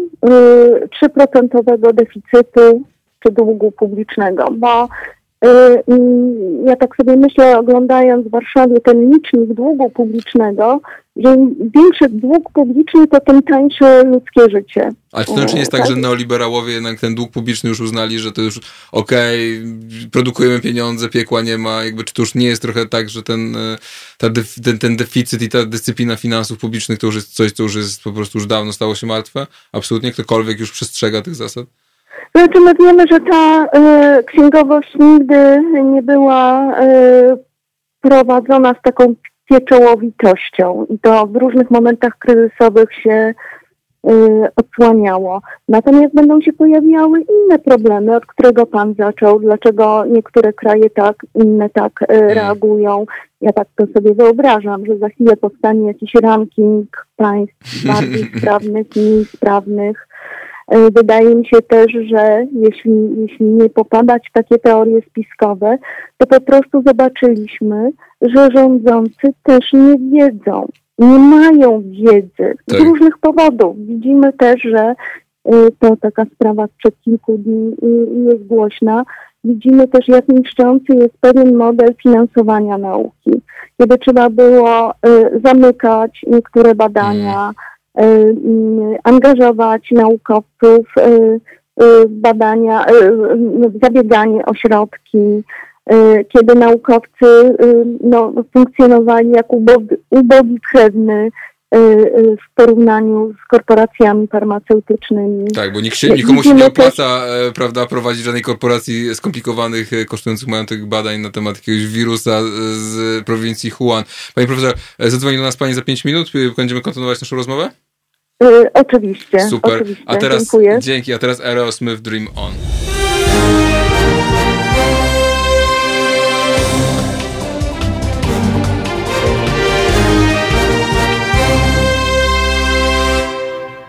Halo, halo. Halo, halo radio, Jan Śpiewak e, przy mikrofonie. E, czy jest z nami pani profesor e, Jacyno? Czy słyszymy się? Jestem, dzień dobry. Super. E, pani profesor, no właśnie rozma e, rozmawialiśmy o czasach kryzysu, o tym, że to świetne czasy dla socjologów. E, czy pani profesor się podobnie jak mi układa w pewien wzór ta reakcja państw na koronawirusa, czyli państwa azjatyckie, które działają, mają silne pa państwowości, mają silne te administracje i które działają szybko i zdecydowanie, E, chociaż tutaj trzeba by się zastanowić, dlaczego Izraelczycy zachowali się tak e, szybko i zdecydowanie, chociaż nie jest to bardzo dyscyplinowane e, społeczeństwo, ale silne państwo podejrzewam. A Zachód, szczególnie myślę tutaj o Anglii, Wielkiej Brytanii, Stanach Zjednoczonych, zareagował tak, no właśnie zrzucimy kupę pieniędzy na rynek, e, a tak naprawdę to szczepcie się, e, leczcie się sami, tak? Znaczy Wielka Brytania teraz ma taki pomysł, że każdy musi po prostu zdobyć odporność, no i ci, co e, tej odporności nie zdobędą, to trudno, ale tutaj nic się nie da zrobić. Tak to brzmi to trochę jak darwinizm społeczny. Czy pani się też kojarzy to z takimi metodami, czy to zbyt ostre oceny zachowań tych rządów? No, używa się w odniesieniu do, tej, do tego planu, jeśli można tak powiedzieć, powiedzieć, używa się takiego określenia. Widać, że te y, konceptualizacje, analizy, w których używano takich określeń, nie były na wyrost, chociaż y, o to je oskarżano. Natomiast chciałabym zwrócić uwagę na to, że y, to, że ta przyszłość przed nami się otworzyła, my nie wiemy, co będzie dalej to przestrzegałabym jednak przed taką fascynacją e, chińską wersją kapitalizmu. Mm. Dlatego, że e, dlatego, że jak rozumiem, chodzi nam też o to, żeby było więcej demokracji, bo my w tej chwili jeszcze mamy świeżo w pamięci kryzys demokracji, natomiast obawiam się, że to jest też taka sytuacja, która sprzyja y, ograniczaniu różnych swobód, różnych możliwości. Y, I nie, tak nie jest to, y, chodzi mi o to, że, że nie jesteśmy wcale w takiej sytuacji torebka albo życie. Mm. Tak? Czyli za jakieś bezpieczeństwo. Nie wiemy jakie i nie wiemy, co w tym pakiecie bezpieczeństwa jest. Tak naprawdę nie wiemy też, co się dzieje w Chinach to nie jest tak, że to jest zupełnie inny model kapitalizmu. On cały czas y, no, y, odwołuje, się, odwołuje się do praktyk y, właśnie, z którymi my mamy problem. A więc no, mam na myśli na przykład właśnie niskie wynagrodzenia, niepewność, wysiedlenia i tak dalej. Więc nie, nie, wydaje mi się, że to jest bardzo ważne, mhm. żebyśmy spróbowali e, e, jakoś obejrzeć te dychotomie, jakie są nam przedstawiane. Czy kapitalizm amerykański, czy kapitalizm chiński. Bo tak mm. rozumiem, tak, taka opozycja jest nam przedstawiana w tej chwili, że nie mamy wyjścia. Albo amerykański kapitalizm, taki w zasadzie ultraliberalizm, E, albo, albo e, No ale też nie ma, ten głos europejski jest słabo, tak, prawda? Znaczy on gdzieś zupełnie znika w, w tej debacie wokół e, tej reakcji, prawda? Znaczy to chyba samo się narzuca, tak, że mamy teraz starcie między tymi dwoma wielkimi blokami i właściwie żadnej drogi pośrodku. To jest trudna sytuacja, tylko chciałabym powiedzieć, że do tej pory chciałabym zwrócić uwagę na korzystną stronę e, tej trudnej sytuacji. E, przez trzy dekady przynajmniej byliśmy przyzwyczajeni, że demokracja polega na tym, że znamy wynik wyborów, mhm. że wiemy, kto wygra. Ostatnio zostaliśmy wytrąceni z tej równowagi. Niektórzy to oceniają bardzo źle, bardzo krytycznie, jako y, coś, co jest symptomatyczne dla kryzysu, inni natomiast uważają, że przecież na tym polega demokracja. Gdybyśmy pomyśleli o takich klasycznych już w tej chwili y, opracowaniach dotyczących demokracji, demokracja na tym polega, że my nie wiemy, jaki będzie wynik. Mhm. Tak? My nie wiemy, jaki będzie wynik. Wybiera się kierowcę, wszyscy mają prawo jazdy, wybiera się kierowcę, I on ma prawo jechać przez cztery lata, wieść nas tym mhm. autobusem. Gdzie nas zawiezie, zobaczymy. Za cztery lata będą, przynajmniej za cztery lata. Tak? Skądinąd ten model, zwłaszcza mając na uwadze kryzys klimatyczny, bo trzeba zwrócić uwagę na to, widzę, że, że, że bardzo często się pojawia taka, y, pra, y, taka myśl, która ma uchodzić za optymistyczną, że za rok będziemy się te, z tego śmiali, z tego mhm. kryzysu. No nie będziemy się śmiali, bo za rok będziemy konfrontowani z innymi problemami. Mam tutaj mm, na myśli zwłaszcza problemy związane ze środowiskiem. I one rzeczywiście y, wymagają gruntownej, radykalnej, radykalnej reorganizacji, ale ważne jest to, kiedy zobaczyliśmy, że nie mieszkamy w globalnej wiosce, ale w domku z kart, ważne jest to, żebyśmy nie wyrzekali się y, wartości. Ale, no, ale właśnie o tym rozmawialiśmy też z moim poprzednim gościem, e, Kubą Jędrakiem, e, na temat tego, że ta sytuacja pokazuje, że w sytuacji zawieszenia pewnych swobód demokratycznych, czy wolności może, lepiej się wyrażę. Możliwa jest duża mobilizacja, możliwa jest e, e, walka z, z ogromnym kryzysem, potencjalnie ogromnym kryzysem. I dlaczego takiej determinacji nie ma w sprawie absolutnie elementarnej naszego biologicznego przeżycia? Czyli dlaczego nie ma takiej determinacji takiej mobilizacji przy przy, e, przy globalnym ociepleniu i czy też to, że e, ta walka toczy się przy zawieszeniu zasad demokratycznych też nie pokazuje nam, gdzie te, w przyszłości te rozwiązania e, niestety walki z globalnym kryzysem klimatycznym mogą leżeć?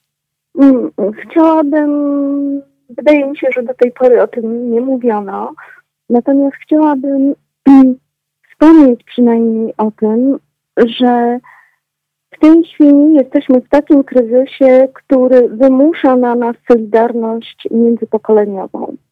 Bo to prawda, nagle starsi się stali bardzo tak. istotni, tak. nagle znikąd, prawda? Bardzo to miłe jest. E, tak, e, kryzys klimatyczny mówił o tym, że starsi nie dbają, starsze pokolenia nie dbają o młodsze pokolenia. Tak. A teraz apeluje się do młodych, siedźcie w domu, bo przecież mamy starsze pokolenie. tak? Więc y, tak, okazało się, że, że jesteśmy w jednym pomieszczeniu, że, że y, od siebie zależymy. Stało się to w takich brutalnych okolicznościach, ale to pokazuje, to w taki dosłowny sposób nam unaoczniło, jak od siebie zależymy. Ta sytuacja, z jaką mamy do czynienia w tej chwili, mam nadzieję, mam nadzieję, że pokaże nam, jakich e, wyborów dokonywaliśmy e, dotąd. Ja pamiętam, że z Panem mm, o tym chyba rozmawiałam, mhm.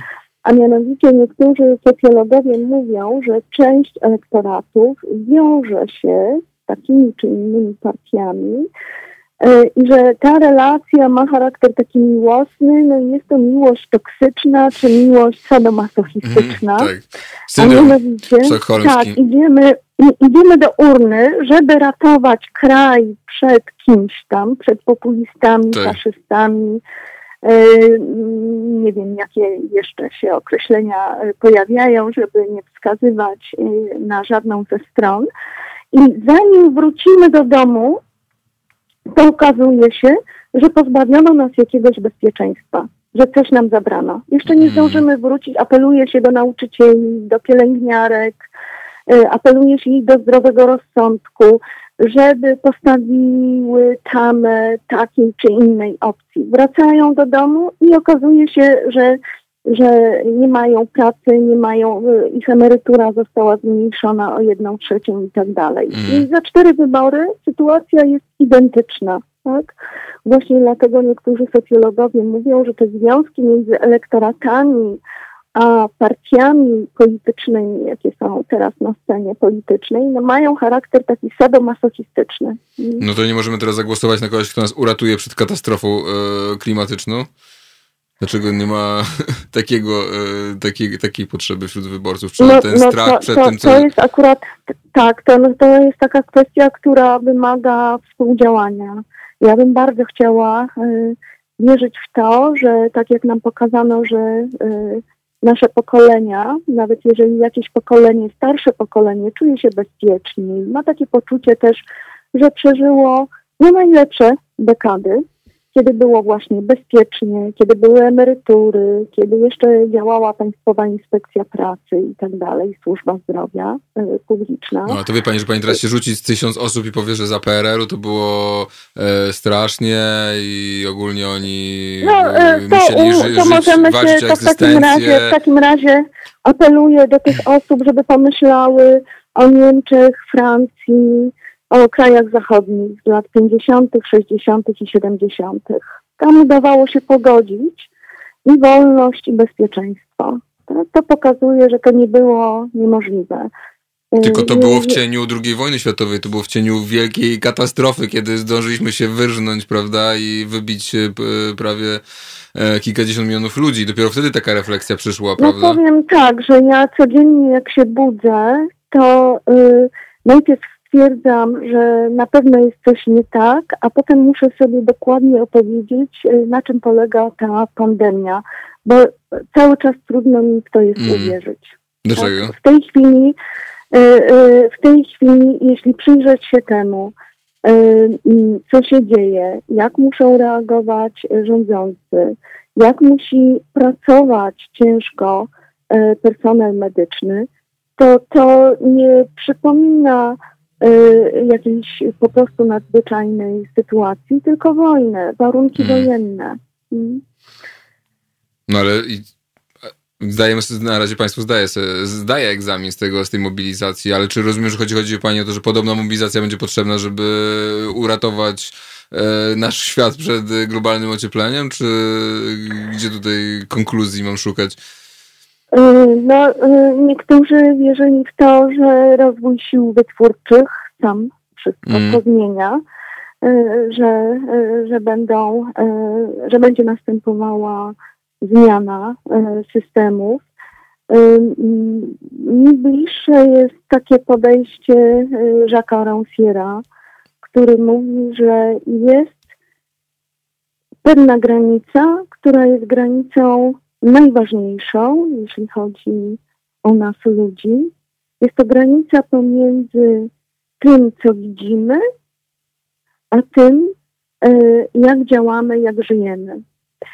E, I czy jesteśmy skłonni mhm. przejść do działania. Jeśli chodzi o kryzys klimatyczny, to te rady, te rutyny, które nam podpowiadano, sortowanie śmieci, z góry zastrzegam, że bardzo to... Że sortuje Pani? I starannie. E, I, i, I teraz pobyt w takiej altance świetnikowej e, zajmuje kwadrans. 5 minut czasu, tak, żeby to dokładnie wszystko rozparcelować. Ja się boję, I zawsze że... jak wychodzę z tej altanki, to mam wątpliwości czy aby na pewno to jest właściwie przewożone, czy aby na pewno to jest wykorzystane. Krótko mówiąc, czy ta praca moja w ogóle się na coś zdaje. Mhm. Natomiast teraz jesteśmy w takiej sytuacji, kiedy mamy siedzieć po prostu w domu, mhm. ale teraz ja mam pewność, że to czemuś służy. Mhm. Mm. Czyli potrzebna jest... E, mhm.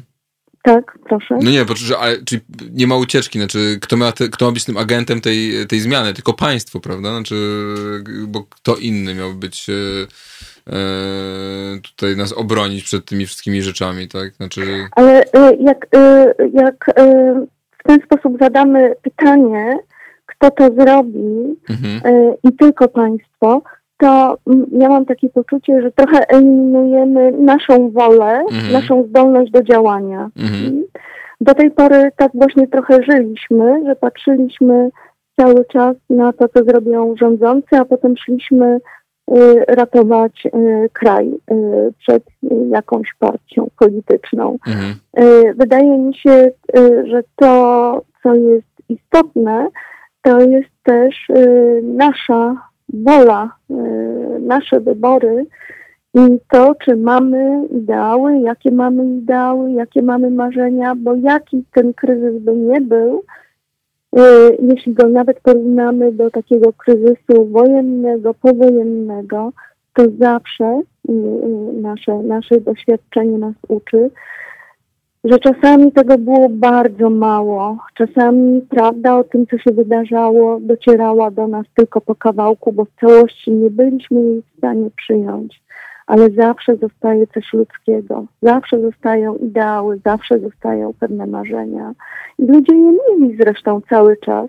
Ja, jeśli można, to bym się odwołała do takiej książki, którą czytałam y, tydzień temu, jak y, zbliżała się zaraza z doktorantami. Noc proletariatu. Mhm. Roncier opisuje w swoim doktoracie, to jest, Roncier opisuje hmm. właśnie noc, ten czas, kiedy robotnicy nie pracowali, ale mm, z tego skromnego czasu i z tych skromnych sił, które mieli, próbowali zrobić coś dla siebie, próbowali stworzyć taką rzeczywistość. Ja mam nadzieję, że my przez te ostatnie lata też mieliśmy, robiliśmy różne rzeczy niepotrzebne, które mm. tworzyły jakąś wspólną przestrzeń i że w niej są um, i wartości, i marzenia, i wola działania, i solidarność. Um, to nie jest tak, że historia układa się w takie związki przyczynowo-skutkowe, mm. które my dobrze znamy. Historia nas zaskakuje z tego powodu, że na niektóre aktywności, na niektóre marzenia, tęsknoty ludzi, nieprzespane noce, nie zwracamy uwagi. Mnie bardzo ucieszyło to, jak zobaczyłam na jednej z fotografii, e, już nie, nie przypomnę sobie, ale to było któreś zachodnie państwo, e, zobaczyłam, zobaczyłam półki z suplementami diety tak, które y, były taką y, bardzo y, no, wątpliwą protezą dla publicznej służby zdrowia, mhm. bo ja się domyślam, że w niektórych krajach, tam gdzie ta zakup czy konsumpcja, jeśli można tak powiedzieć, suplementów były bardzo duże w Stanach Zjednoczonych, w Polsce, to znaczące bardzo, to, że za tym kryła się pewna strategia. Ja dbam o siebie na tyle, na ile mogę w tej chwili, mhm. samodzielnie, no bo jeżeli coś naprawdę się przydarzy, to po prostu nie będzie mnie stać, albo będą takie kolejki, że mhm. Y, to będzie spóźniona pomoc. W tej chwili w aptekach, w sklepach spożywczych y, y, te półki z suplementami są pełne. Mhm. Te suplementy są nie ma żywności, nie ma środków sanitarnych. E, jakby to jest taka sytuacja, w której e, odzyskujemy właściwe proporcje widzenia. Mhm. Ale to wydaje mi się, że nie możemy patrzeć tylko w ten sposób, że ten impuls powinien przychodzić mhm. tylko ze strony państwa. E, żyjemy i chcemy żyć w demokracjach. Y, bez aktywności ludzi, ale nie takiej aktywności wymuszonej zastraszaniem, y, bez aktywności ludzi to się nie uda, zwłaszcza, że tak jak powiedziałam, nie unikniemy wielkiej reorganizacji ze względu na kryzys klimatyczny. Jeśli tego nie zrobimy, kryzys, jaki nadejdzie, to będzie redystrybucja sack life, czyli redystrybucja ulicznej bandyterki. E, czyli, czyli rosnącej rywalizacji, chaosu. E, bardzo trudno będzie w tej chwili, e, jeśli chodzi o niektóre rzeczy niezbędne do życia, to mamy je zabezpieczone. Natomiast też trzeba powiedzieć, że komunikaty, jakie wysyła polski rząd, są spójne po prostu. Mm nie, nie dezorientują ludzi. Tak, ale wszyscy wiemy, że Prawda? tych testów na koronawirusa jest tam kilkaset, że jest, jakby było więcej chorych, to maseczki by się skończyły i że brakuje nam bardzo, bardzo wielu e, elementarnych... Tak, to, e, e, tak nasze ubóstwo, nasze ubóstwo tak, bije w oczy. Tak. Natomiast nie otrzymujemy takich, też pamiętam wypowiedzi polskich polityków, polskich publicystów, którzy mówili, że nie ma żadnego kryzysu, że to są fake newsy, tak. że do nas nie dotrze i tak dalej. Jedyna moja wątpliwość, mhm. ale i tutaj akurat tak. polski mhm. rząd jako jeden z pierwszych w Europie zareagował. Jedyna moja wątpliwość dotyczy zamknięcia granic zbyt mhm. późnego. E, Tajwan, który w tej chwili chyba, jeśli dobrze wiem, ma najlepsze, e, najlepszą kontrolę nad sytuacją, mm. właśnie zadziałał w ten sposób, że uszczelnił granice, tak. prawie je zamknął. Izrael, tak samo. Wszyscy, no właśnie, no właśnie, więc to jest, a, a jednocześnie to jest coś, co y, y, najbardziej, zamknięcie granic, to jest coś, co najbardziej przeraża, wywołuje panikę, w tym modelu globalizacji. Y, u tych, którzy tak. Y, czerpią y, z przeganiania ludzi czasem nie tylko z jednego kraju do drugiego kraju, ale z jednego kontynentu hmm. na drugi kontynent. Tak? Oni czerpią z tego zyski. I to jest coś, co ich najbardziej przeraża, zwłaszcza, że takie dzisiaj już zupełnie niefrasobliwe spędzanie wolnego czasu wolnego dnia nawet, mm, e, nie wiem, w dużej odległości, w innym mm. kraju. No, taki model życia taki model życia jest po prostu zabójczy. zabójczy tak jak dzisiaj tak. jest zabójcze wychodzenie tak z mieszkania, to tak wylatywanie tak. do, do teatru, do Wiednia, do Paryża. Jest tak samo zabójcze, staje się jak dla tak, naszej planety, jak i dla zdrowia. Tak też będzie, też będzie zabójcze. Pani profesor, tak? bardzo dziękuję. Będziemy rozmawiać na pewno jeszcze o tym, e, co to znaczy dla globalizacji, dla obecnego modelu rozwoju e, gospodarczego ten wirus e, w najbliższych tygodniach się będzie rozwijać. Kryzys. Bardzo pani profesor dziękuję, była z nami profesor Jacyna z Uniwersytetu Warszawskiego. Dziękuję A, bardzo, pozdrawiam. Dziękuję bardzo. A my usłyszymy się, mam nadzieję, wszyscy zdrowi i cali za tydzień, więc zostańcie w domach, myjcie ręce i wspierajcie Halo Radio, obywatelskie radio, które otrzymuje się z tylko waszych wpłat. Dzięki wielkiej do usłyszenia za tydzień. Halo Radio. Siema, nazywam się Łona. Słuchajcie Halo Radia, oglądajcie Halo Radio, wspierajcie Halo Radio. www.halo.radio ukośnik SOS.